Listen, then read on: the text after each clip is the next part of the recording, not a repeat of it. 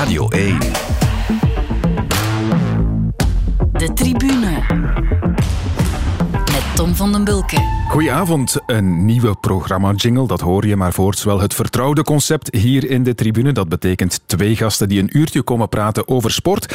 En vandaag beperken we ons zeker niet tot enkel voetbal of wielrennen. Nee, nee, er ligt zo'n beetje van alles op de tafel. En de twee mannen die voor dat diverse aanbod gaan zorgen zijn sportzaak-collega Karel Bertelen en Jonas Creteur van Sportvoetbalmagazine. De man die eet, drinkt, slaapt en sport volgt. Goedenavond. Ja, goedenavond.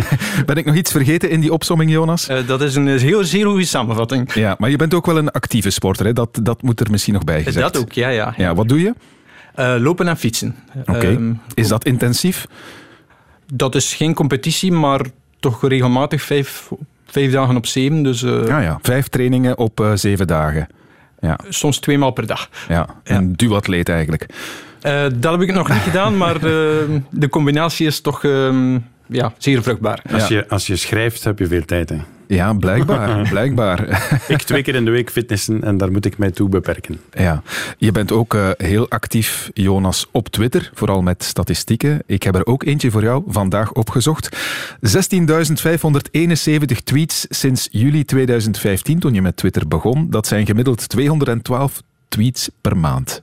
Wist je dat? Nee. Hè? Dat, heb, dat heb ik nog niet bij stilgestaan, nee. ik heb uh, dat eens vergeleken met Karel Bertelen, ja. ook actief op Twitter. Precies één jaar langer dan jij zelfs, Jonas. Ja. Maar hij klokt af op een gemiddelde van 0,6 tweets per maand. Ik heb, Renaat Schotten heeft mij daar ook toe verleid, drie jaar geleden in de Tour. En ik heb ja. hem toen gezegd, ik word een volger. Mm -hmm. En geen tweeter. Dus, ja. uh, maar goed, ik volg. Het is, ja. het is zelfs langer geleden dan je denkt, Karel, want je bent al zeven en een half jaar, zogezegd, actief ah, okay, op Twitter. Maar, ja. maar het heeft wel drie jaar geduurd voor je je eerste tweet verstuurde. Dat is juist, dat klopt. dat is waar. Kijk, ja. ja, je bent een volger. Uh, ik en ben een volger. Toch ben je aan 60 tweets geraakt. Kijk eens, dat is mooi. En, en drie vierde daarvan basketbal, denk ik. Goh, dat heb ik nu ja, met de Belgian Cats en zo. Ja, het zal zoiets zijn. Oké. Okay. Maar je zit dus niet al te veel achter je klavier. Uh, nee, en ik ben Wat was het nu? Twee keer per week? Um, fitnessen. Fitnessen. Ja, dus ja.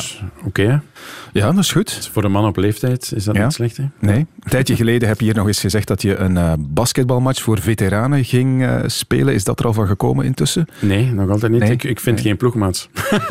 Oké, okay, dat is Ze durven niet. Ja. werk van te maken de, de komende weken of maanden dan. Goed, we gaan beginnen met de momenten van de week. Jij hebt er uiteraard niet over getweet, Karel, maar hier komt het.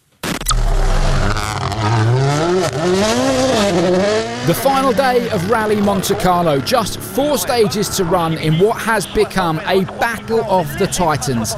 Sebastian Ogier versus Sebastian Loeb, Toyota versus M Sport. And today, the tension tipped over to boiling point. It wasn't the cleanest final stage from Sebastian Loeb. He was off the pace, but it didn't matter. Once again, he proves that in the seat of the right car, he has lost no speed or prowess. Meanwhile, Thierry Neuville took Hyundai's first stage win of 2022 in a car he's not been comfortable in all weekend. I have a problem with my rear diff and uh, I have to scope with it. When, when the road is flat, it's okay, but as soon as there are some bumps, I get a lot of wheel spin. Voilà, de WK-rally van Monte Carlo, de eerste van het seizoen. En een iconische wedstrijd toch wel in de autosport. Gewonnen dus door Sébastien Loeb. Laat ons met hem, de Fransman, beginnen. Karel. Het is een fenomeen, hè? Het is een fenomeen, hè. Die jongen wint nu voor de achtste of de negende keer, denk ik, op 47-jarige leeftijd. Deze Monte Carlo-rally. Een, uh, een klassieker, zoals je zegt. En... Ja, dan moet je dan vaststellen van... Um, die jongen komt uh, terug, of die man eigenlijk, komt terug van de Dakar waar hij dus in het zand heeft gereden, ongelooflijk afgezien heeft, denk ik, op, op die leeftijd ook mm -hmm. en zo. En dan gaat hij gewoon starten in de Monte Carlo en hij wint die. En hij gaat een paar van die rallies nog rijden. Uh, als hij eens goesting heeft. En, uh, ja, ja. Dan, dan denk ik, wat een talent. Hoe is dit mogelijk? En ik wilde mij er graag van afmaken door dit fragment te kiezen, door te zeggen van, ik rij ook graag snel met de auto. Mm -hmm. Maar goed, op een circuit, niet op een circuit, op de weg en zo. En ik zou het heel graag eens doen en meerijden met zo'n man. Uh, Michel Wuits heeft ooit het geluk gehad om eens de klim op de, ja, op de muur van, van Gerasbergen. Ik was daar ook. Ah, je was er ja. ook? Voilà. Ja. Michel heeft het in zijn broek gedaan, heeft hij achteraf verteld. Maar ik zou het echt heel graag eens meemaken. Ik heb weinig schrik in die dingen, dus een, op een circuit of met tombonen in, op, op zolder, ik zou dat heel, heel graag eens doen. Ik rij ook graag ja, snel, ik, heb, kik een beetje op snelheid, maar moet opletten natuurlijk hier in België natuurlijk voor snelheidsovertredingen. Maar het is mij vooral te doen om de figuur Leup. Eén ding. Twee, zijn co-rijder is een rijdster. En dat is een vrouw, die is 50 jaar, dus 47 en 50. Die winnen gewoon de rally van Monte Carlo, de eerste van het seizoen. Hoe goed ben je dan niet getraind? Wat voor een talent heb je dan? Je ziet na afloop dat hij een achterwaartse salto maakt als vreugdesprong. 47 jaar. Ja, ik denk dat die man meer dan twee keer per week gaat fitnessen. Ja, ja. Hoe doe je dat? Dat is onvoorstelbaar. En daarbij aansluit het dan. Ik vind het zo jammer. Ehm, Thierry Neuville, voor de eh, vijf keer nu al vice-wereldkampioen, die slaagt daar weer niet in om op dat podium te geraken. Wordt nu zesde. Weer een probleem nu met de ophanging. Er is altijd iets met Thierry Neuville. Ik vind dat zo jammer. Ik zou de jongen eens wereldkampioen willen zien worden. Nu heeft hij misschien een kans, omdat Leup en ook eh, Sébastien Ogier niet de hele eh, serie gaan rijden. Die, die doen af en toe eens mee. Dus ja, als je de hele reeks rijdt, probeer dan eens de punten te pakken en, en wereldkampioen te worden. Ik verneem van mijn collega ehm, van de RTBF, eh, dat is een eh, collega die ik in het basketbal vaak zie, Pierre Capar, die volgt als rallyjournalist bij de RTBF ook die rallies. Die zegt dat is zo'n sympathieke man. Je kunt die ook vragen stellen in het Nederlands. Hij is van de Oostkantons, van St. Vit, uh, Thierry Neuville. Dus die begrijpt dat allemaal. Die is zo sympathiek. Dat is zo'n toffe gast.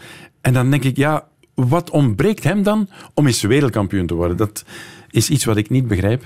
En ik vind het iedere keer jammer ja, als je dat moet vaststellen. En Thierry Neuville is tweede geworden. Is Ja. bijna een, een, een, een gimmick aan het worden in, in de rally-uitslagen van wat mankeert Thierry Neuville om eens wereldkampioen te worden? Dat is, dat is iets dat mij echt intrigeert. Ja, hopelijk komt het er nog eens van Ik hoop eh, het. voor hem. Maar Ja. het was nu inderdaad een zesde plaats en dus de eerste voorloop. Ik kom nog eens terug op wat je daarnet al eh, aanreikte, namelijk dat zijn eh, co-rijder Ja. een co-rijdster is. Eh, Isabel Galmisch. Eh, dat is best uitzonderlijk, hè, dat iemand wat- dat Wat is van in doet. 97 dat er nog Ja. een vrouw is? 1997 dacht Voilà. ik, ja. Dus ja, allee, formidabel. Hoe, die combinatie van die twee ook en zo, dan stel ik me dat voor als een koppel. als man en vrouw in een auto rijden. Ik denk dat er altijd ruzie is. En die twee, ja, die, die winnen gewoon de rally van Monte Carlo. Dat Ja. is fenomenaal, echt waar. Ja. De uitspraak, zeg niet te gauw, het is weer een vrouw, kan bij deze echt wel definitief eh, de vuilnisbak, De vuilnisbak in, ja. Voilà, dat is waar. En eh over Leup nog gezegd, ja, ik was daar inderdaad bij toen op eh, de muur van Gerardsberg. Ja? was zeer Ben indrukwekkend. je zelf met iemand meegereden? Nee, nee, nee. nee. Ah, ja. Ik mocht daar een verslag maken Ah, van, oké. eh, van wat er daar gebeurde. Leup die dus met zijn rallyauto de muur opreed en achteraf rustig een sigaretje stond te roken. Maar het is zoals je zegt, ehm, hij is op en top fit. Hè. Als je die achterwaartse salto zag, uit stand Uit dan stand. Dat is iemand van 27 die dat doet. Ja. En die man is 47, Ja. onvoorstelbaar. Ja. Ja. Dus het is knap. Hè. Ik vind, eh, en altijd gezegd, hè, motocrossers, rallyrijders zijn echt atleten. Die zijn, die zijn gewoon topfit, top, topfit. Echt waar. Dus chapeau. Ja, er wordt nu gereden met hybride motoren. Ja. Daar was eh, heel wat om te doen de afgelopen week, hè, om de, bij de start van het nieuwe seizoen. Ehm, weet je daar ook iets van, Karel? Ja, het is wel een serieuze verandering Ja, blijkbaar voilà. voor de rijders. Het is aanpassen. En om het in het kort te zeggen, dus de, de, vooral de, de grote gedeeltes van de kronenritten, die worden op hybride gereden. En dan de tussenstukken, ah, de verplaatsing die ze maken, die mogen ze dan met de gewone eh, motor van, van vroeger doen. Maar dus ja, heel die auto is verbouwd en, en het is een aanpassing. Dan ook zo'n elementje. Hè. Neuville, die is zoveel jonger. Ja, pas je daar dan aan en die is daarmee weg? Nee, dat is iemand van 47 die als beste zich aanpast aan... Ja, ik vind het Ja. echt waar. eh, chapeau. Ik kan een, geen ander woord vinden voor Sebastien Leup. Eh, Prachtig gedaan en, en, en knap. En, en als je dan ook ziet, eh, twee of drie dagen gewoon op de weg en in de regen en op verhard en dan nog eens een dag in de sneeuw ook. Ja, die man doet dat allemaal. Is ja. knap. Heel knap. Rij jij ook met een hybride motor, Karel? Nog niet. Nog niet. Het gaat er nog van komen. Maar ik ben een dieselman. Nu zweer je nog bij de goede oude diesel. Ja, de goede oude diesel. Oké, die moeten er ook zijn. Ja. Over naar het moment dan van Jonas Creteur. En daarvoor moeten we naar de andere kant van de wereld. Three match points. What a way to seal the deal and make it through to the quarterfinals at the Australian Open for the 14th time in his career. That guy, man, he is as tough as a $2 steak. Nadal through in straights today 7 6, 6 2, 6 2. What do you do to keep yourself at this level? What are the secrets to your fitness? Well, I play some golf. And, but, uh, well, honestly, uh, and that's the truth. No, I, I never have been a, a gym guy. You know. Rafael Nadal, hij speelt uh, golf om fit te blijven, zegt hij met een vrolijke noot. Golf, daar gaan we het straks nog over hebben trouwens. Maar hij is uh, dus back in business na een uh, heel lange periode met toch veel problemen, hè, Jonas? Ja, ik vond het wel een, een mooie uitspraak van de commentator. He is tough as a $2 steak. um, en en dat, was, dat kwam ook terug op, op de tweet van, uh, van de ATP. Met heel simpel, he keeps on fighting. Mm -hmm. En dat zag je nu ook weer uh, in die laatste match van, van Nadal, hoe hij zichzelf de hele match oppepte met zijn typische gebaren. Er was een, heel ja, mooi fragment waar hij met ja, vijf vuistslagen na de gewonnen tiebreak van uh, 28 minuten ja, zichzelf echt helemaal oppepte. En hij sprak achteraf dan ook weer van, ja, it's a mental game. Mm-hmm. Ze onderschatten hoe belangrijk de mental part is, het mentale gedeelte. En dat hij dan ook zei, na de eerste set te winnen, na die heel lange tiebreak, de langste uit zijn carrière, was het zeer belangrijk om dat meteen te breken. Mm-hmm. En heeft dan meteen de tegenstander gebroken en de match was dan eigenlijk afgelopen. Daarna was het 6-2 ja. en 6-2 nog eens. Hè. In die vierde ronde inderdaad, je zegt 28 minuten. Er zijn nog altijd records die kunnen gebroken worden blijkbaar voor uh, Nadal. Zelfs was de langste Nadal. uit zijn carrière. Ja, ja. Um, maar het, allee, het, contrast tussen de vurige Nadal en, en de uitgebluste Nadal van vorig jaar... Mm -hmm. Want ik denk dat weinig mensen beseffen van hoe diep hij gezeten heeft. Um, ik heb toen de, de, Spaanse pers wat, wat gevolgd, omdat ik uh, ook een, uh, bezig was met een, met een tennisverhaal. En um, zijn blessure was wel zeer, zeer ernstig. Um, want dat is ook een blessure die al zeer lang meegaat, van, van zijn tienerjaren. Mm -hmm. Want blijkbaar leidt, leidt, leidt hij aan het syndroom van Müller-Weiss. Een soort van voetafwijking in zijn linkervoet. En hij heeft dat jarenlang kunnen ja, oplossen met, met steunzolen, met aangepaste behandelingen en preventieve oefeningen en zo. Maar vorig jaar is dat toch nog komen, weer komen opsteken. Ja. Um, is dan in een behandeling gedaan. Er is wat mysterieus over gegaan of dat hij al dan niet een, uh, operatie heeft ondergaan of niet. Maar um, ja, blijkbaar heeft het wel maanden geduurd. Tot ja, dat hij dan zelf toegaf van uh, ja, uh, sommige trainingen na 20 minuten was het, was, het, was het op, kon ik niet meer verder. Ik krijg dan in december ook nog eens corona, waar hij blijkbaar ook heel veel last van heeft, heeft gehad. En ja, op dat moment zei hij ook van op de Australian Open, no way dat ik daar iets zou kunnen presteren. Ja. En dan staat hij vier of drie weken later in de kwartfinale. Dus, dus... En misschien wel in pole position om het toernooi te winnen, nu. Dat is misschien nog iets anders. Ja. Um, dus uh, ik denk dat hij vannacht speelt tegen Shapovalov. Um, dan tegen de winnaar um, van Berrettini... Monfils? Monfils, ja. ja. En dan ja, eventuele finale nog... Al dan niet tegen Medvedev, misschien dan de topfavoriet van de, de andere tabel. Mm -hmm. Dus die drie matchen nog winnen dat is misschien nog iets anders. Maar, maar het kan. Binnen x maanden komt Roland Garros eraan. Roland Garros eraan. dan voel dus, ik je dus, al komen. En als ja. uh, Djokovic dan inderdaad niet mag meedoen... Mm -hmm. Dan wint hij op één been. Hè. Ja. dus, ja, en dan en... heb je nu Nadal, Djokovic en Federer die daar alle drie staan met die 20 Grand Slam toernooien op hun palmarès. En dan gaat misschien toch Nadal de eerste zijn om nummer 21 te laten wat noteren. Niemand, Als het nu al niet ja. gebeurt, eh, gebeurt het dan misschien wel in Parijs. Ja, en wat niemand in september misschien had verwacht dat Mhm. mm -hmm. uitgerekend Nadal zou zijn, die dan misschien als eerste de, de kap van de 21 zou bereiken. Ja. Ja. ja, hij heeft blijkbaar inderdaad heel diep gezeten. Ik, ik sprak er ook over met onze tennisman Dirk Gerlo vanmiddag. Maar hij zei, Nadal oogt echt heel scherp weer nu. Speelt met grote drive en hij durft weer te glijden. Ook met, met die voet waar je het over had. Dus, hè, dat wat blijkbaar een tijdje een probleem geweest is uh, na die recente opflakkering van die blessure. Ja, want inderdaad, wat, wat nu wel heel opvallend is en wat hij zelf ook al heeft aangegeven, is dat hij veel agressiever speelt. Mm -hmm. Hij heeft gewerkt op zijn opslag. Wat je ook zag aan zijn gewonnen uh, servicepercentage van de eerste opslag. Bijna allemaal boven de 80% in de laatste matchen. Heeft gewerkt aan zijn return. Allemaal om die slagenwisselingen iets wat korter te houden. Mhm. Mm -hmm. Want vroeger was de, de traditionele acht slagen van Nadal en dan afmaken in de negende slag. En nu probeert hij toch agressiever en iets meer risicovoller te spelen om die matchen ook korter te houden. Mm -hmm. Omdat hij ook weet van die slijtageslagen waar ik vroeger altijd de beste in was ja, misschien kan mijn lichaam dat nu niet meer zo aan. En, Hmm. en vandaar eh, ook de, de, de voorlaatste match heeft hij dan zelfs in, in de vierde set nog meer risico gaan nemen om, om te beletten dat, ehm, eh, dat de Rus nog, nog een vijfde set Ja. uit de brand zou slepen en dat hij dan ja, misschien zijn, zijn brandstof zou opgeraken. Dus, dus, eh, dus hoe hij wint is eigenlijk al even belangrijk geworden als het Ja. winnen op zich. Ja. Zijnde zo vlug mogelijk. Ja, ja, en zoveel mogelijk eh, fysieke schade zeg maar, eh, vermijden. Hè.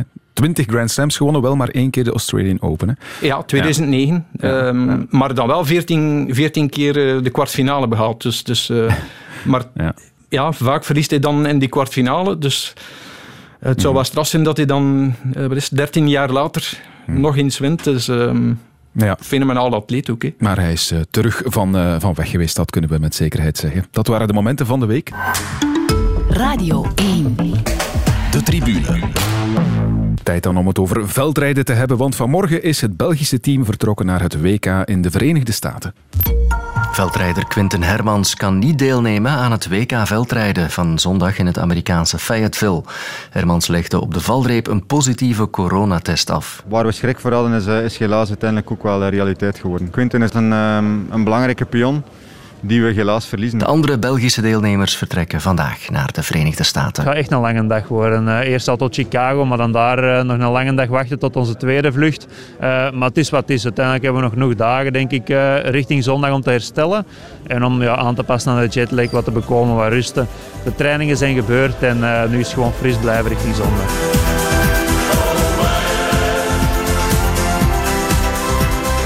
Ja, ze zijn vertrokken, Karel, maar er zat er dus eentje te weinig op het vliegtuig. Quinten Hermans. En wat zei je nog eh, afgelopen weekend in de krant? Ja. Dit is mijn grootste kans ooit om wereldkampioen te worden. Zeker weten. ze, ja, het- ik vind het jammer. Ik, vind, ik, woon, ik woon in Averboden en, en eh, Quinten in het Senderlo, dus ik zie hem vaak passeren op training eh, bij ons. Ehm, ja, ik, ik, hij was voor mij een beetje een dark horse. Vooral ook omdat hij daar gewonnen heeft in oktober in de Wereldbeker in Fayetteville. Dus hij zou daar wel naartoe gegaan zijn, inderdaad, met een heel groot zelfvertrouwen. En de kans om, zoals iedereen, hè, we weten het, Mathieu en Wout rijden niet mee, dus iedereen wil zijn kans pakken. Ik vond, en zeker als mocht het dan niet lukken om zelf voor het podium te gaan, een ploegspeler tot en met Quinten Hermans. Dus het is heel jammer. Het is echt een, een, een domper voor de selectie, denk ik wel. Toon van den Bos, die nu meegaat in zijn plaats, oké, ehm, die gaat minder zijn stempel kunnen drukken, denk ik, maar is wel natuurlijk een ploegspeler tot en met, dus je gaat daar kunnen op rekenen. Als er ergens iets moet gebeuren om een gaatje dicht te rijden, dat kun je nu wel vragen aan, aan Toon van den Bos natuurlijk. Eh, Jonas, de schrik moet er nu wel in zitten bij de selectie, denk ik dan. Want we zijn tenslotte nog wel een aantal dagen verwijderd van de race op zondag. Dus er kunnen misschien nog wel besmettingen komen. Ja, ook omdat de regels blijkbaar niet zo streng zijn in de Verenigde Staten. Dus, dus elke renner heeft voor de afreis een PCR-test moeten ondergaan. Iedereen trouwens die het vliegtuig neemt. Maar daar zijn ze niet verplicht om eh, een, een, een sneltest of een PCR-test te ondergaan. Ik veronderstel dat ze dat zelf zullen doen. Maar dan vraag ik mij ook af, als een renner bij een zelftest positief test op zaterdag en heeft geen symptomen, Ja, ga je het dan nog zeggen? Ga je het dan opbiechten? ja, Ja. Ja, dat speelt. en, het speelt en, allemaal. en zeker ook omdat ehm, de, de ehm, eh, COVID-cijfers in Fayetteville, Arkansas in het algemeen, zijn ook de laatste weken geëxplodeerd. Ja. En- 52% maar eh, Gevaccineerd. dubbel gevaccineerd Juist. van de mensen. Ja, ja. Ehm, dus het zit in een zeer klein hoekje. En, en ik las dan dat eh, van de bondsdokter dat ze met bubbels zullen werken, eh, de jeugd en, en de elite uit elkaar zullen houden. Maar ja, ehm, ik, Dat ik, toch eh, met eh, ik, ik hoop dichtgeknepen Ja, ja, wat, dat- wat gebeurt er op ja. vliegtuig hè, nu? En, Ja. en straks nog een vliegtuigreis. Dus ja, je weet het niet. Hè. Het, is de, het speelt mee. Het speelt Ja, mee. Maar wat Jonas zegt, eh, stel je test daar op zaterdag nog Ja. positief bij een zelftest, je voelt Mhm. je niet ziek, geen symptomen. Ja, ga je dat nog opbiechten? Ik, ik leg het nog eens voor, omdat er wel een gerucht nu al de ronde doet dat er eigenlijk al eh, eerder dit seizoen bepaalde testen zouden weggemoffeld geweest zijn. Ik zeg het, het is een gerucht, maar ja, bon. goed, ja, ik weet het. Ja, ook als, is- we, is vaak, als eh, we daar geen bewijzen van gerucht. Hebben, kunnen, moeten Nee. we zwijgen natuurlijk. Nee. Maar ja, het is des mensen zeker een heel klein beetje. En, en vooral wat, ik, ja, wat er speelt nu. Hè. Geen Wout, geen Mathieu. Iedereen heeft nu kans om eh, wereldkampioen te worden. Hè. Dat gaat meespelen. Hè. Ik ben het niet helemaal zeker, maar, maar het is wel opvallend dat, denk ik, nog geen enkele veldrijder dit seizoen positief getest heeft tot nu, Quinte Hermans. Misschien verras ik jullie met die vraag. Dat kan, maar ik was het daarnet aan het denken en ik, ik kon zelf niet meteen op iemand anders komen. Bij mijn weten Nee. niet. Toch Ja, niet toch tijdens het seizoen. Er is niemand die met die uitleg een, een cross gemist heeft. Dat Ja, denk ja, ik ja, niet. ja. hè? Misschien voor het seizoen, ergens in de zomer. Maar Zou kunnen. Maar tactisch Ja. en, en zo is het van, we doen niet mee om hè, onze voorbereiding, maar pure basis van, van een... Ja, dan is het Een besmetting? eh, Ik denk het niet. nog zo jammer inderdaad voor Quinte Hermans dat het net nu moet gebeuren. Nu, ja, was hij ook echt bij de favorieten een, een dark horse, Ja. zeg je? Ja, misschien wel, want hij won wel uiteindelijk die wereldbekerwedstrijd in is het. Fayetteville op Ja. datzelfde parcours. Maar het is een aan. andere cross natuurlijk. Hè. Ja. Dat WK zondag de, totaal anders. Hè. Je kunt dat niet vergelijken, denk ik. eh, van ook de ondergrond wordt Voilà. totaal anders. Anders, Ja. zeker weten. En van oktober naar nu, de conditie is ook van vele anderen en zo. Dus ja, nee. ehm, Die vergelijking gaat niet op. het is moeilijk, denk ik. Eh, kandidaat eh, voor het podium, hmm, ik had er toch mijn twijfels over. Maar, Maar je had toch blijkbaar wel met Bart Wellens heel specifiek op, Twee de- weken, hè? op dezelfde Juist. inspanning van, met, die, met die lange klimmen Ja. in Fayetteville daar getraind, heel hè? specifiek op getraind. en dat is niet de eerste keer dat veldrijders dat doen. Echt trainen op, op het, het specifieke inspanning van een bepaald wereldkampioenschap. Juist. Zoals Wout van Aert ook nooit gedaan heeft in, eh, Ja, voor, voor Zolder. Na, na het BK, twee weken specifieke training eh, richting het, eh, het WK. Ja, ze waren ermee bezig. Is, en ik ja. vond dat hij opvallend scherp Hij stond was in goed, zijn ja, gezicht. zeker weten. ja. Afgelopen weekend ook. Dat is juist, ja. Maar Ja, we zullen het nooit weten. Hè. We moeten er een streep doortrekken door zijn naam, eh, niet door die van Eli Iserbiet. Integendeel, de winnaar van de laatste twee wereldbekerwedstrijden in Flamanville en zondag in Hogerheide. Iserbiet met de snellere overgang. Iserbiet recht blijven, jongen. En dan duiken, en dan duiken, en dan sprinten maar. Dan sprinten maar. We zien wel waar we uitkomen. Alsof niks, tot er dood. Nou ja, dat hoeft niet Dat hoeft niet. Maar hij is uh, terughalen. footsie, hij is ribbedebie. Hij gaat andermaal, andermaal winnen. En dat gaat bijzonder veel deugd doen richting Fayetteville, richting Arkansas. Het is Iserbiet die het aan het eind weer aan het langste eind. Formidabel. En Van der Aert is nog tweede. En Pitcock wordt derde. Dan gaat hij toch wel met een mentaal dreuntje richting de States vliegen. Ja, ik houd overal dat er eh, veel goede renners zijn nu. Lars is heel goed, Pitcock is goed, Michael is goed, Zweek is goed gisteren, uh, Toon Aerts is ook niet slecht. Dus eh, het wordt interessant nog volgende week. En, eh, het is wel een parcours dat mij ook moet liggen, zeker met die klim. Dus hoop ik dat Sven van toen uit ook de juiste keuzes maakt naar de tactische kant toe. Ja, ik hoop dat de bondscoach de juiste keuzes maakt, zegt Iserbiet. Lees Iserbiet kopman maken, maar ik dacht meteen, hoewel eh, Eli daar eh, opnoemt hoe goed iedereen zogezegd wel is, maar ja, wie anders kopman dan hij? Die andere Belgen maken toch op dit moment geen kans op dat statuut. Nee, uh, we zitten hier met drie West-Vlamingen in de studio. ik zal één quote geven. Iserbiet, ja, reed. In het ja, dat moet je nu wel vertalen voor de, voor de meeste luisteraars. Is er klaar voor. Is er klaar dus voor. ik denk het wel. Kijk, uh, vorige week in Flamanville, formidabel rondgereden. Echt waar, een demonstratie was dat. Alleen, meer dan de helft van de koers moet je kunnen. En dan nu ook weer op het juiste moment naar voren rijden. Uh, afstand kunnen houden. Um, ja, ik heb de indruk dat Iserbiet na zijn mindere periode van december, dat hij nu toch wel echt waar zijn beste periode aan het creëren is. Hij heeft 14 keer gewonnen dit jaar. Als je nu één naam moet noemen van iemand die het verdient om wereldkampioen door, is hij het. Mm. Maar de koers moet gereden worden, ik weet het allemaal.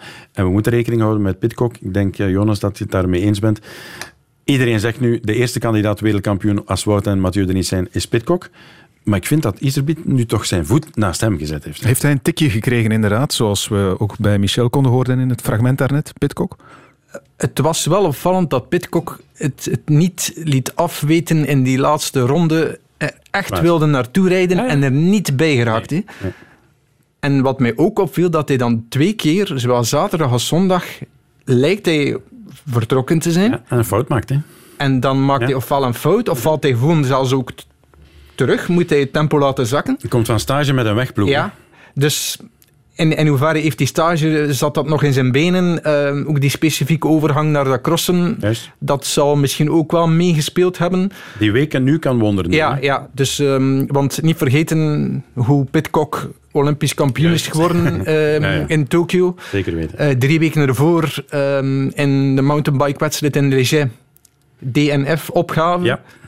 Mm -hmm. Dan alleen getraind nog voor, dat, ehm, eh, voor de Olympische mountainbike race en pakt daar hout tegen de absolute wereldtop. Dus hij weet perfect hoe hij zich moet voorbereiden. Dus en, zal uit die, hij... en uit die foutjes van de vorige Ja, ja. weken kan hij leren. Ook. Ja, zeggen, de voorbereiding van Quinten Hermans, wees zeker, eh, copy-paste. eh, Quin- ehm, Tom, eh, Tom Pitcock ja, is daar ook mee bezig. Hè, dus die weet ook wel hoe hij zich moet voorbereiden. Op En zeker ook op, op dat parcours, denk ik, met, met die lange klim. Eh, het zal niet modderig liggen. Nee. Een wegrenner. ja, ja. Het, het wordt moeilijk, denk ik. Ja. Nu, nog eens over Iserbit. Jullie, jullie gaan ermee akkoord, neem ik aan, met wat hij zegt. Ik moet de kopman zijn, de enige kopman. Ik bedoel, dat landenspel in het veldrijden ook. Hè. Je noemde daarnet Quinte Hermans, een, een echte ploegspeler. Maar ja, veel tactiek komt er toch meestal ja, niet bij blijft kijken. Moeilijk, blijft moeilijk, ja. Laurens Week ook, zou je kunnen zeggen. Hè. Eh, en Toon Aerts, ja, ja, ja. Toon van den Bos nu, eh, oké. Vincent Bastaans, dat zijn van die renners waarvan we nu zeggen van... Zijn dat podiumkandidaten? Nee. Maar ze kunnen wel een rol spelen, hè. En ze moeten die rol spelen, Maar ik. als die na één ronde er afgereden zijn, dan is het, toch kan. uit met eh, een rol spelen. Dat is juist. manier Ja, dan ook. dat is, dat Ja. is wel waar. Maar goed, Maar- je hebt misschien ja. de eerste ronde. Hè. Het valt mij wel op dat Tom van den Bos in de laatste crossen altijd zeer goed start. Ja. De eerste ronde, dus misschien wordt dat nu ook zijn, zijn Tim Merlier-rol, Zou eh, zoals Tim Merlier in het Ja, ja, verleden al gespeeld waar. heeft. Voor Wout, om ja, om die, die eerste, eerste ronde, tweede ronde... Je kunt dat er ook aan vragen aan zo'n jongen, vind ik. Ja, ja. En, en Dus- bijna, bijna vragen van, uw finish ligt na drie ronden. Ja. Zo kunnen. Ja. Absoluut. is een elementje dat speelt. Maar het is waar, de finale, ja, normaal gezien niet. Hè. Ja. Eh, we hebben Pitcock, we hebben Iserbit. En Lars Zetten jullie daar Van der Haar nog Ja, naast ja. op hetzelfde niveau? Voor mij wel, ja. Ik vind dat die types renners, hè, dus ze zijn samen misschien eh, drie meter groot, om het een beetje eh, grappig te zeggen, maar de kleine, vinnige, wendbare, snelle crossers. Ik denk dat die het gaan doen zondag. Ja. Wat Ja. denk jij van Van der Haar, Jonas? Wel, hij is nu tweede geworden. Mhm. En het was zijn eerste, eerste of tweede plaats sinds hij won in Tabor, de week na hij Europees kampioen werd in, in Nederland. Op een parcours dat hem ook op het lijf geschreven was. En dat je misschien wel enigszins kunt vergelijken met Absoluut. dat van Fayetteville. Dus, en, en je hoort Sven Nijs niets anders zeggen dan... Lars zal goed zijn. Ja, ja. Dus, en, en Lars van der Haar heeft daar ook ongetwijfeld heel hard eh, naartoe gewerkt. Niet te vergeten, ze rijden op Trek. Trek is een Amerikaans merk, dus hyperbelangrijk voor, het, voor de ploeg, ook voor Toon Aerts trouwens. Qua motivatie. Ja, dus, dus, ehm, en, en Van der Haar is een kampioenschapsrenner. Nederlands kampioen, Europees kampioen. Hij Stond al, dacht ik, drie keer op het podium. De laatste keer wel geleden van 2016. Ja. Dus ehm, ja, toch zeker rekening mee houden voor minstens een podium. Ja, de Nederlanders staan daar met een hele armada op het WK bij de vrouwen. Maar als je dan kijkt naar de mannen, de elite, daar hebben ze amper twee man. Van der Haar dus en, Corné van Kessel. Hoe verklaar je dat? Vinden ze het niet belangrijk genoeg om daarin te investeren, ook omdat het niet Olympisch is? Ze hebben wel Ronhaar en eh, Ja. Kamp. Bij de, De belofte, jongeren die ja. aan het komen zijn. aan het ja, komen maar zijn. Bij de profs, ja. Het is, Ja. Er is een het- ik denk dat het wachten is op die generatie. Als die kan het, het een stapje hoger opzetten. Ehm, ja, dat zijn... Gisteren ook de... de ik ben nu zijn naam kwijt. De, die die zes- zesde werd gisteren. Oei, nu ben ik het ook kwijt. Ja, nu, nu moet ik ook gaan zoeken, denk Ja. ik. Ehm, maar nee, maar dus die generatie, als die generatie nog, nog één, twee jaar kan doorgroeien, dan denk ik dat die ook aansluiting gaan maken bij Mhm. de, de top onder de niet van der Poes en de niet van Aerts. ehm. Ja. Nu, ik dacht, maar ik kan fout zijn natuurlijk. eh, misschien vinden de Nederlanders het gewoon niet belangrijk genoeg, want het is geen Olympische sport. Ehm, ja, dan ga je dat niet voor hebben, denk ik, als je Nederland bezig ziet op de baan bijvoorbeeld. Waar ze grossieren in, in de medailles en in het veld. Zitten ze nu met twee mannen bij de elite en dat is het. Maar het veldrijden wordt al langer eh, ja, ondergeschoven in Nederland. omdat het geen Olympische sport is. En dat ze daarom ook niet op de nodige financiën kunnen rekenen, zoals de Olympische sporten wel. Ehm, maar je ziet het ook aan de, aan de belangstelling. Nederlands kampioenschap op televisie. Samenvatting na het schaatsen. Ja, ja, als er schaatsen is en veldrijden, wordt er gekozen voor schaatsen. Ja, ja, absoluut. Ja, ja. Absoluut, ja, dus ik weet nu niet of dat, dat het wereldkampioenschap zondagavond op de NOS... eh, Ja, ze hebben drie eh, kanalen. ja. Ja. Dus ja, misschien wel. Maar nee, nee, maar dat is waar. Het, het, het ligt eronder. Het is, het is waar. Maar ze hebben ook bij de vrouwen en bij de jeugd bij de vrouwen ook wel veel kansen. Dus ook daar komt een generatie aan. Dus ja, Ja. het zou kunnen keren nog. Maar heeft het veldrijden... Enfin, we hebben al, al zo vaak de mond vol gehad over de internationalisering van dat veldrijden. Hoeveel jaren zijn we daar al niet over bezig? Maar ja, ik, ik heb toch de indruk dat die sport echt met een probleem blijft zitten op dat vlak. Als je nu ook kijkt naar de eindstand van de wereldbeker... Het zijn quasi allemaal Belgen. Het is, het is een, eh, die internationalisering, dat is een fabeltje. Hè. Dat is, ehm, allee, zelfs dit jaar zijn er in de eindstand van de Wereldbeker twee niet-Belgen in de top 10 geëindigd. Eh, van der Haar op 5, Van Kessel op 7. Dat is maar één keer in het verleden gebeurd. We zijn in 2016 en dat, toen was Van der Haar nog derde en Van der Poel nog vijfde. En voor de rest, eh Pitcock 11, Maizen 12, Kuhn 13 en nog Felipe Orts, de Spanjaard, op 20. Ja. En voor de rest allemaal Belgen en Nederlanders. Maar zit het veldrijden dan niet in een soort van vicieuze cirkel? Want zolang er niet meer eh, internationalisering is, blijf je misschien veraf van die Olympische status. Maar zolang je die Olympische status niet hebt, gaan weinig landen echt interesse tonen ook. Dat is net het Hoe, probleem. hoe krijg ja. je dat opgelost? Ja. Ja. ik weet het niet. Door, denk ik wel nu, eh, met die wereldbeker... Crossen in het buitenland, Ja. hè? Ja, zeker weten. En dat proberen ze nu toch met, met eh, zeker nu naar volgend jaar toe, ehm, was er sprake al van, van acht landen, dacht ik. De, Ja. allee, n- de nieuwe format voor, eh, voor volgend jaar. Met Londen eventueel, eh Benidorm. eh, Dat is mooi, hè? dat zijn mooie plannen, maar je moet toch ook zo'n cross dan drie, vier, vijf jaar de kans geven. Val di Sole was knap, Ja, ja. Besançon, eh, Flamanville, veel volk. Eh, mensen komen kijken, dus het leeft wel. Ondanks het feit dat er weinig of geen vedetten zijn, want dat gaat samen, hè, denk Mhm. ik. Een cross in het buitenland met iemand die daar iets presteert. Je hebt die Joshua Dubois nu, die heeft acht keer gewonnen dit jaar. Oké, zeven keer in Frankrijk en nationaal kampioen. Maar die komt niet naar hier in de wereldbekers en wordt dan, ja, hij komt wel, maar hij wordt dan negende. Ja. Ja, dat is ook niet om weer te zeggen in Frankrijk, we gaan hier eh, tien crossen beginnen organiseren op wereldniveau. Hè. Ja. Ze zitten met die Coupe de France, dat wel. Maar Zwitserland is weggevallen. Italië is nu terug met Val di Sole. Maar Spanje, zoals je zegt, Engeland, we hebben Milton Keynes gehad. één Dat was keer. daar een En fantastisch parcours, veel volk. Super. Ja. En dat valt na één keer dan weg. Dus ja, wat is dan eh, het probleem? Ja, economisch ook, denk ik. Ja. Terug naar het WK. Vrijdag, komende vrijdag, krijgen we voor het eerst een mixed team relay. Het is een test-event. Eh Karel, leg jij het even uit misschien hoe het, hoe het precies in elkaar zit? Ja, een het, is, beetje- het is zoals ik zeg iets nieuws. Hè? Ja, een beetje een vergelijking met de atletiek, met de triathlon en, en andere sporten. eh, de, in het wielrennen ook natuurlijk, de aflossingen. Ja, mannen en vrouwen samen die een cross rijden. Hè. Dus eh, met een aflossing. Ik Ze denk rijden dat- elk één rondje. Ze zijn met z'n zessen, dacht ik. Klopt dat? Ja. Ja, ja zeker. Hè, ja. Dus twee elite-renners, man en vrouw. Ja. Aangevuld met eh, twee jeugdrenners. Beloften, ook weer ja. Beloften man, en junioren, Ja, ja. ja, Ja, dus- En elk een rondje rijden. Elke categorie is vertegenwoordigd. En ja, dan, dan is het...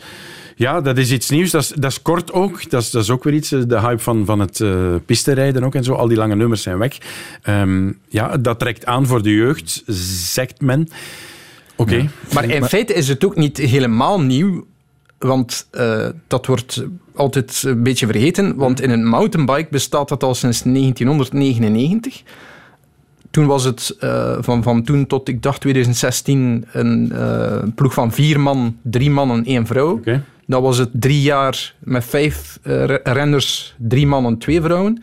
En de laatste twee jaren is, ook, is het ook het format zoals ze nu zullen toepassen in Fayetteville met drie mannen, drie vrouwen van drie verschillende categorieën. Dus en daar slaat het blijkbaar wel aan, ook omdat er daar UCI-punten mee te verdienen zijn en dat je daar ziet dat de toppers dan wel aan meedoen. Maar dat wordt dan ook wel geprogrammeerd op woensdag. Ik wilde net zeggen, komt dat dan in beeld? Eh, Brengen ze dat mee Ja, naar het eh, grote weekend en zo? Nee, kijk, op woensdag... dat, ja, dat ja, wordt georganiseerd op woensdag, Probleem, maar dat geeft natuurlijk ook wat, wat, wat meer speling. Ja. Want als je dat nu, op, zoals op, op, op vrijdag, Ja, renner Jonas, wel de maar- dag maar- voor... Dat is juist. Maar, maar we spreken over één ronde. Ja. Eén ronde rijden, ja goed. oké. Eh, ik mag er toch van uitgaan dat ze daar niet eh, een heel weekend stuk van zijn. Nee, maar niet onderschatten wat je voor die ronde moet Ja, doen. hè. absoluut. Je moet daar Qua klaar voor zijn. opwarming... Ja, voilà. Ja. Je leeft die dag naar die... Dat is hetzelfde als een tijdrit, hè. Ja. Dat is soms ook maar zeven kilometer in de Tour en zo. Je leeft die dag helemaal naar die zeven kilometer. Dus niet onderschatten dat dat is. Oké, maar één rondje. Ook mentaal. En ja, ja. Ja, je moet daar toch mee bezig zijn. Maar ik leg het maar even op tafel, want je vraagt je misschien af waarom begint hij erover. Uh, omdat ik mij afvraag wat het nut er eigenlijk van is. is. Is het zinvol om dat te doen? Want je ziet, Nederland bijvoorbeeld gaat niet eens meedoen. Ze hebben er gewoon geen zin in. Het interesseert hen niet. Wel, blijkbaar moet, zouden vandaag de um, deelnemerslijsten bekendgemaakt worden. Ik ben zeer benieuwd hoeveel landen er effectief zullen deelnemen. Dat is dan toch al één wereldtitel die we mogen opschrijven voor België. Wel, het is een test-event, dus uh, ik weet niet of dat het officieel als, als een wereldtitel zal, zal beschouwd worden. Ja. Um, maar het is, het is eigenlijk een initiatief van Brooke Watts. Dat was, de organisator, dat was de organisator van het wereldkampioenschap tot er problemen waren met de transgenderwetten en hij het daar heeft afgebold uit uh, onvrede daarmee. En, maar dat was zijn initiatief. Um, en je zag ook uh, onlangs, um, uh, dacht deze week nog een verhaal verschijnen op, op Cycling News, waar de Amerikanen zeiden, ja, we hebben een, een topploeg voor um, de mixed relay. dus blijkbaar liggen de Amerikanen daar iets meer wakker van en zullen ze daar dan misschien meer op inzetten dan op de individuele wedstrijden, omdat ze daar ook meer kansen hebben. En het past natuurlijk ook in het, ja, in het algemene plaatje van, van de UCI om die gendergelijkheid en, en al dan niet om het veld te rijden richting die Olympische status te schuiven. Maar ja, ik ben zeer benieuwd of dat dan uh, een beetje voor... zijn wat uh, een handje zal helpen. Het is een begin. Ja, het is een begin. We zullen, we zullen zien. Hè. Um, zaterdag, dan is het uh, de beurt aan de belofte onder meer bij de mannen, met onder meer Thibaut Nijs. Jonas, je hebt je afgelopen weekend op Twitter uiteraard nog druk gemaakt over wat jij vindt de te grote aandacht voor Thibaut Nijs. Well, druk gemaakt, ik heb de, de simpele vaststelling gedaan dat uh, op de meeste websites na de beloftewedstrijd in Hamme mm -hmm. uh, overal een apart interview stond met uh, die vijfde was geworden. Op zich niets mis mee. Kandidaat mm -hmm. medaille, wereldkampioen. hij heeft zijn naam, dus had, had ik geen probleem mee. Maar toen zocht ik naar een, een stukje met de winnaar dus niet met de tweede, derde of vierde, met de Belgische winnaar, Joran Wieseure. En ik vond daar nergens, nergens iets van terug, behalve op de regionale pagina's van, van de kranten. En dat vond ik toch een klein beetje, om niet te zeggen veel... Mm -hmm. Ja, heel erg jammer, vooral voor, voor Joran Wieseure en, en, en uh, de hele ploeg. En, en uh, hetzelfde, het was in feite ook hetzelfde na het, na het Belgisch kampioenschap. Um, Emiel Verstringen wordt Belgisch kampioen, krijgt een, een kadertje of een, of een klein fotootje. En Thibonais die opgeeft, krijgt dan het grote stuk. Ja, en voor, alle ik, en voor alle duidelijkheid, en ik heb dat er ook voilà. toen, toen bijgezet. Ja. Uh, ik heb absoluut niet tegen uh, Thibonais. Uh, Thibaut is een heel aangename jongen. Um, kan ik, absoluut, ik hoor dat ook van collega's, uh, absoluut niets verkeerds van te zeggen. Um, heel sympathiek, um, geen dekke nek, absoluut niet. Ja. Maar ik heb een klein beetje moeite met de, de overdreven aandacht dat, dat de slinger misschien te erg doorslaat. Ja. Vooral omdat het in, ook in het belang is van uh, Thibaut zelf. Ja. Um, je hebt toch dit seizoen al een paar keer gemerkt dat hij onder meer op het Belgisch kampioenschap, er mentaal is onderdoor gegaan. Dus hij is blijkbaar niet immuun tegen de druk. Speelt die aandacht mee? Onrechtstreeks, rechtstreeks, ik weet het niet, maar het zal toch ergens wel een bepaalde rol spelen. En ja, wij hebben vorig jaar met z'n allen gezien welke invloed dat gehad heeft op, een negatieve invloed dat gehad heeft op, op Remco Evenepoel. Mm -hmm. um, dan vind ik dat we dat uh, hetzelfde niet uh, Thibaut Nees mogen aandoen, om het zo te zeggen. Nee. Um, dus ik hoop van Hans harte dat, dat hij uh, komend weekend heel erg goed presteert. En, en dan mag hij van mij tien pagina's krijgen, bij wijze van spreken. Absoluut. Maar ik vind het vooral jammer als hij niet presteert of opgeeft, op, om welke reden dan ook. En er wint een andere Belg, Mhm. mm -hmm. een Belg. Ja. Als die dan totaal niks van aandacht krijgt, ja. dat, dat, dat vind, ik, vind ik een klein beetje scheef. Ik sluit me daar volledig bij aan. Er was ook woensdag namiddag of donderdag namiddag een speciale persconferentie om Thibaut Nijs via een Zoom-meeting of Teams te laten vertellen aan alle journalisten dat hij klaar was om naar het WK te gaan. Dat is er over. Niets tegen Thibaut, ik sluit mij volledig aan bij wat Jonas zegt. En ik heb hem ook apart eens gesproken op eh, de kristallen fiets. Hem gefeliciteerd zelfs met de manier waarop hij omging met de moeilijke periode waarin hij als coureur meemaakt. Je wordt junior wereldkampioen, Europees, Belgisch kampioen. Je wil overstappen naar de belofte en je krijgt die kans niet om te koersen. Dat is lastig. Hè? Als 18-jarige toen, nu is hij nog maar 19, blijft nog altijd maar een 19-jarige. We moeten hem inderdaad ook een heel klein beetje beschermen. Ja. Mhm. Dat is waar. En, en, en, ja, nog eens voor alle hij kan het zelf niet helpen natuurlijk. Hij heeft de naam van zijn vader, een paar goede koersbenen. Absoluut. Kan het ook nog eens goed uitleggen. Zeker dus, weten. dat, en dat, hij vijfde wordt in Hamme. Ja. Dat, hij kan niet meer doen dan dat als je nee. terugkomt na een blessure. En dat hij straks een goed WK rijdt, ik wens het hem ook toe. Hè. Maar laat ons alsjeblieft inderdaad die hype het is eigenlijk een beetje, beetje kritiek op onszelf. Hè? Want uh, ja, wij, ik ben wij er volledig mee. Wij, wij, journalisten ja. moeten maar zorgen dat die balans er is nee. en, en op en de juiste momenten de juiste eerst aandacht de winnaar geven. van een koers en dat die Bonan vijfde is, mag erbij, maar niet ja. omgekeerd. Oké, okay, we, gaan, we gaan dat nu voor een stukje rechtzetten dan. Het is, het is het moment ervoor, Karel. Wie zijn dan die jonge mannen die evenveel of misschien meer aandacht verdienen op dit moment bij de belofte? We, we hebben al Verstringen en Bizeuren genoemd. Die namen zijn gevallen. Zijn dat de, de vind, grote talenten die er zitten aan te komen en bij bij ons? de junioren Aaron Dox, alsjeblieft. Uh, de nieuwe kampioen. Um, Jor, wie is het? Uh, ben zijn naam kwijt. De juniorenskampioen. Um, die ook heel goed is. Die jongen gaat ook meedoen. Dat zijn inderdaad talenten.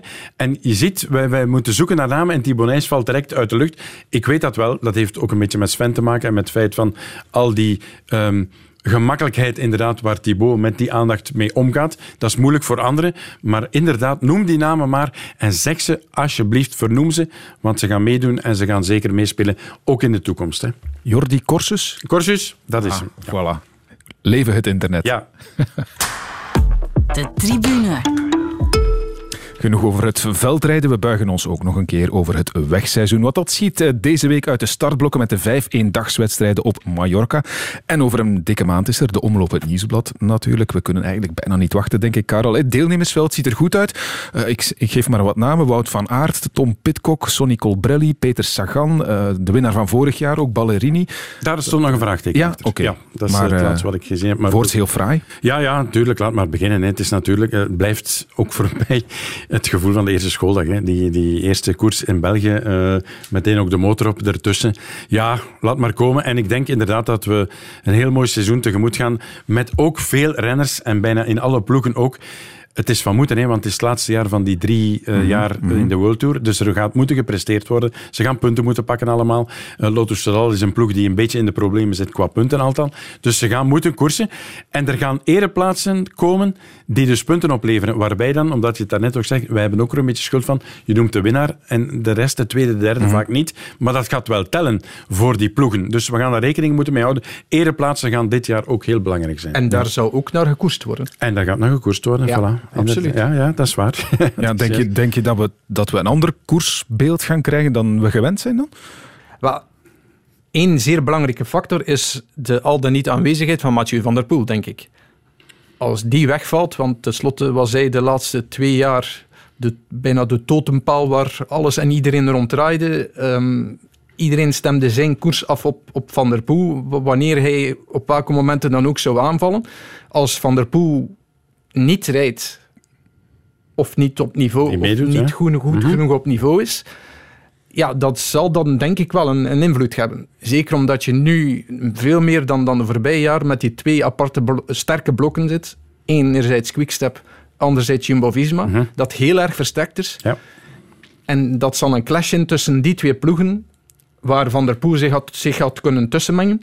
Maar als Van der Poel niet meedoet, Mm -hmm. Ja, ja, we gaan ja, een voorop krijgen. Ja, ja, is uh, zeker waar. Ja. En het is wat jij zegt, hè, Karel. Het, het, wordt belangrijk om punten te pakken. Bijvoorbeeld voor Lotto Soudal. Om te vermijden dat die degradatie uit de World Tour er komt. Nu, Tim Welles begint eraan deze week in Mallorca. Hm? Die is traditioneel vroeg Die is daar altijd goed in vorm, ja. Dus uh, die kan al meteen scoren. Ja, ja, maar het zal nodig zijn. Hè. En dus de voorbije jaren, oké, okay, hij won op Mallorca. En in, in, in april ben je dat vergeten. -hmm. Ze gaan nu wel allemaal meespelen. En dat is niet onbelangrijk, denk ik. Van overal punten te pakken. Dus Mallorca nu deze week is eigenlijk nog veel belangrijker dan al die jaren daarvoor. Dat zijn geen inrijkoersjes meer. Het gaat tellen. Ik zie dat Amaury Capiot zondag ook tweede wordt. Die sprint daar echt voor de punten hè, Mhm. om mee te doen. Want ook Arkea Samsic zit bij die ploegen Ja, ja. in de problemen. Hè. Dus eh, het, het gaat, elke koers gaat meetellen. Het was maar een koers van tweede categorie in Valencia. Hij was daar vorig jaar tweede, eh, derde, nu tweede. Hij gaat er misschien volgend jaar winnen.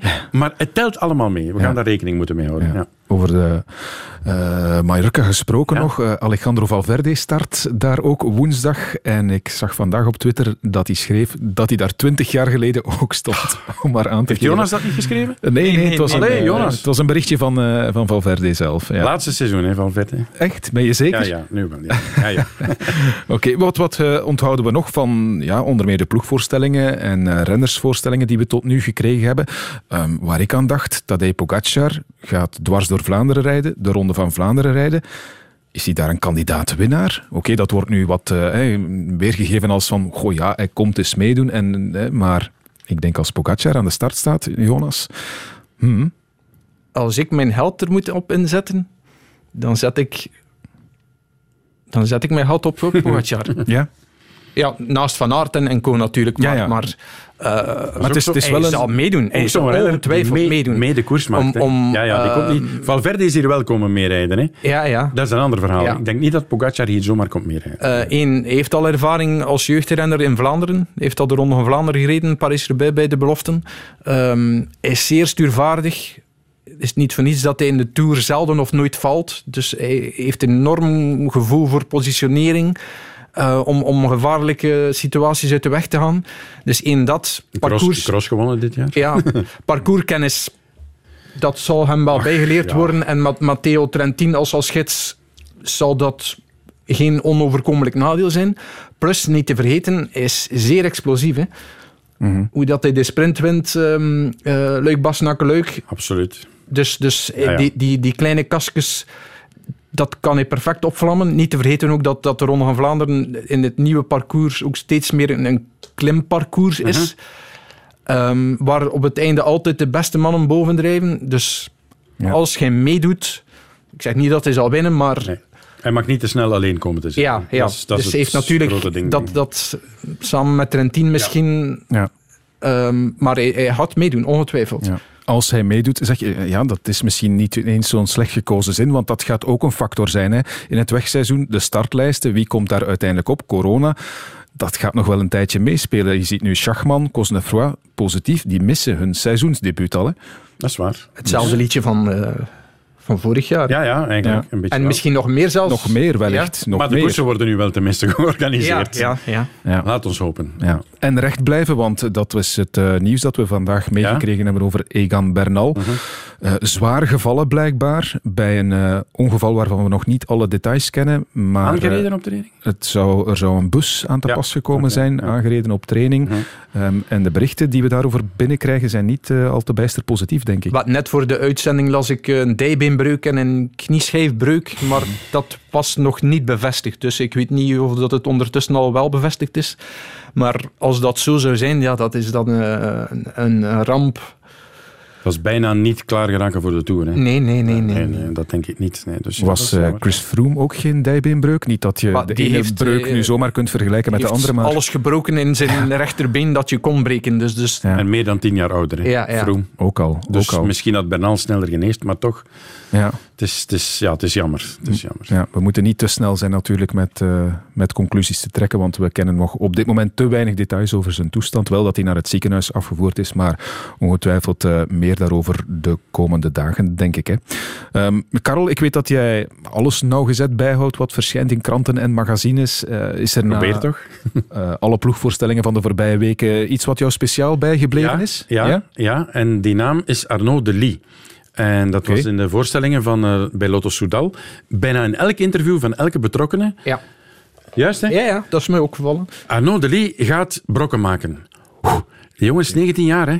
Komt net over, hè. Ik ging net zeggen, stel hem eens voor. Ja, het is, het is een belofte. Het was een, goede belofte. Een, een jongen die bij de belofte zijn koersen won.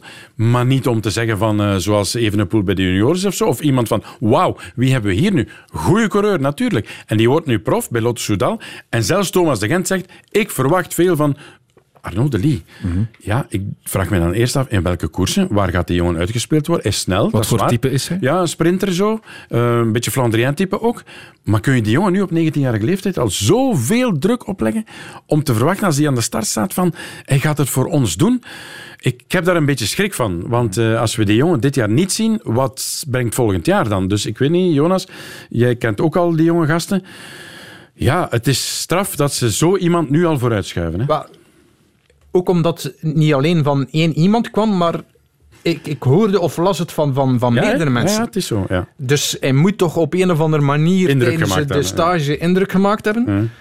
En dat, dat, dat zeggen die oude rotten ook niet meteen. Niet rap, dat is waar. Maar dat is nog geen koers, hè? Maar dat is nog geen koers. En zeker in een trainingskamp niet. eh, Nee, ook niet. Nee. Maar ik schrijf hem al op voor Ja, mijn schrijf eh, hem op. Sporza Ja, wielermanager voilà. Arno. Maar het zou voor Ja. het Waalse wielrennen wel een zeer goede zaak zijn. dat is waar. Mocht iemand de scepter van eh Philippe Gilbert overnemen. hè. Juist. Want dat is ook zijn laatste seizoen. Hè. Inderdaad. Samen met Valverde. Radio 1. De tribune. Om af te ronden doen we er nog een ander thema bij. En daar is een goede reden voor, want golfer Thomas Pieters behaalde vorig weekend de mooiste overwinning uit zijn carrière. Thomas Peters is back at golf's top table. He wins the Abu Dhabi HSBC Championship by one with a controlled performance out there. It's a mature Peters. He's a Rolex Series winner. And it has been hugely impressive, not just today, but across the week from the Belgian. Yeah, I just hope all the juniors back home are watching this. And you know, I used to watch as a kid and think, you know, it's impossible for me. But then, you know, when Nico came on the scene and started winning, it's um, it's stuff like that that inspires kids, and, and hopefully I can do that back home. Winst op het toernooi in Abu Dhabi. Jonas, waarom is dit zijn belangrijkste overwinning? Ik wou eerst en vooral ik heb benadrukken wat dat hij net zei. Mhm. Hij wint de grootste, het, het grootste toernooi uit zijn carrière. En het eerste wat hij zegt... Ik hoop dat dit jongeren inspireert in België om in mijn voetsporen te treden. Mhm. Ik vond dat zeer mooi. Op dat moment dat zeggen... Ja? Op zo'n persoonlijk hoogtepunt en zeggen van... Ik hoop dat het jongeren inspireert. En dat is ook iets waar topsport tenslotte ook om draait. Ja. Karel, Ehm, Karel, jij hebt daar zelf onlangs nog eh, iets, iets over meegemaakt hè, in die zin? Ja, want hij heeft een initiatieles gegeven eh, enkele maanden geleden, in, in coronatijden ook, om, om jongere gastjes, en echt jonge gastjes, hè, eh, zes, zeven, acht jaar, ehm, op zo een, à la de Container Cup, zo slaan met een balletje tegen, tegen een, een gordijn, om dan je afstand te meten en de techniek. En hij stond daar echt letterlijk les te geven aan jongens hoe ze een, een eh, hoe noemt het nu, een, eh, een stok, een eh, Putter, golf, ja. golfstok moesten vastnemen. en, en iedereen doet dat verkeerd. Dus hij gaf dat echt aan van zo moet je het doen. En ik heb daar echt bewondering voor eh, opgedaan. Want ik had de indruk, wat jij nu ook zegt, van Thomas Peters een beetje op zijn Antwerp zo van eh, ik ben het en ik ga hier in de golfsport het allemaal bereiken. Hij doet het nu. En als je dan dat inderdaad zegt, ik vind ook van, ja, in, in, in, eh, in mijn hoofd van, oké, dat is een, een echte vent nu. En het is niet op, op eh, ik ga het hier allemaal eens bewijzen. Nee, nee. Hij doet het inderdaad goed. En inderdaad, met de jeugd werken is een van zijn, van zijn dingen die hij graag doet. Ja. Ja, en meer dan ooit, misschien zelfs meer dan puur de techniek, is, is vooral de, het mentale aspect nu wat het, wat het verschil maakt, waarom hij nu opnieuw richting die top Mhm. eh, aan het komen is. Ehm, Dat is veel talent, hè. Jack Nicklaus Ja, ja. Heeft, heeft ooit gezegd, eh, naast Tiger Woods, de grote golfer aller tijden, de grootste afstand in, de- in, het, in het golf is tussen de twee oren. Mhm. En dat klopt ook. Ja, dat is een me- mentaal spelletje. En, en ehm, je merkt aan alles dat, dat eh, Pieters nu zeer volwassen is geworden. Ook op die tweede dag. Heel moeilijke omstandigheden, veel wind. Eh, vroeger had hij het laten afweten. Ehm, nu beperkt hij daar de schade. De laatste dag heel veel druk. Zegt zelf van, I chickened a little bit. Maar toch zijn cool behouden als een veteraan uitgespeeld. Ehm, dus dat mentale aspect is, zeer belangrijk. Ehm, ook opvallend vond ik zijn, zijn attitude van... eh, er was een interview en ze zeiden van, ja, hoe ga je dit vieren? Ehm, ja, ik ga vanavond naar het hotel. eh, ik ga er een hotel boeken. Ik ga daar slapen. En morgen om negen uur sta ik op om te gaan trainen. En dat was zo, de, de interview was zo'n beetje verwonderd van oei, ja, je gaat niet, Niet feesten. vieren, of, nee, nee, morgen negen uur trainen. En dat is ook nu de nieuwe mindset van, van, van, van Pieters. Van, eh, hij heeft enorm veel talent. Ja. Als hij ervoor werkt en zijn golf is, zijn, zijn golf is oké en hij is mentaal in orde, dan, dan ja, Ja. kan niet zeggen the sky is the limit, want het is, is, je mag het ook, ook, je moet het ook een klein beetje in perspectief zetten. Het is nog altijd een absoluut toptoernooi, maar er deden ook acht van de 50 top 50 spelers mee. Dus het is nog niet tegen het absolute Geen wereldtop. major toernooi. ja. Maar wel Eh, een, eh, een maar- toernooi net onder die vier majors inderdaad. dus dat is nu Ja. de volgende stap op die major toernooien, zoals hij ooit vierde werd op, op ehm, de Masters. Dat nog eens herhalen. Ja. Oké, en ook een cheque van eh, 1,2 miljoen is euro. meegenomen, Mogen we daar een beetje jaloers op zijn? Ja, een beetje wel. Ja, we hoeven niet jaloers te zijn helaas op eh, Egan Bernal, want ik heb het net nog even opgezocht terwijl jullie bezig waren. Dat ziet er niet zo goed uit. Hij moet in elk geval geopereerd worden. Ehm, het is in het Engels het hele persbericht Ja. en er rest mij niet genoeg tijd Nee. om het helemaal voor te lezen, maar het ziet er naar uit dat er een, eh, maandenlange revalidatie eh, hem te wachten staat. Egan Bernal. Heel spijtig. Eh, waar kijken jullie nog naar uit deze week? Kort, Ja, Karel? ah ja, het WK Het Maar toch, ja. Jij, Jonas?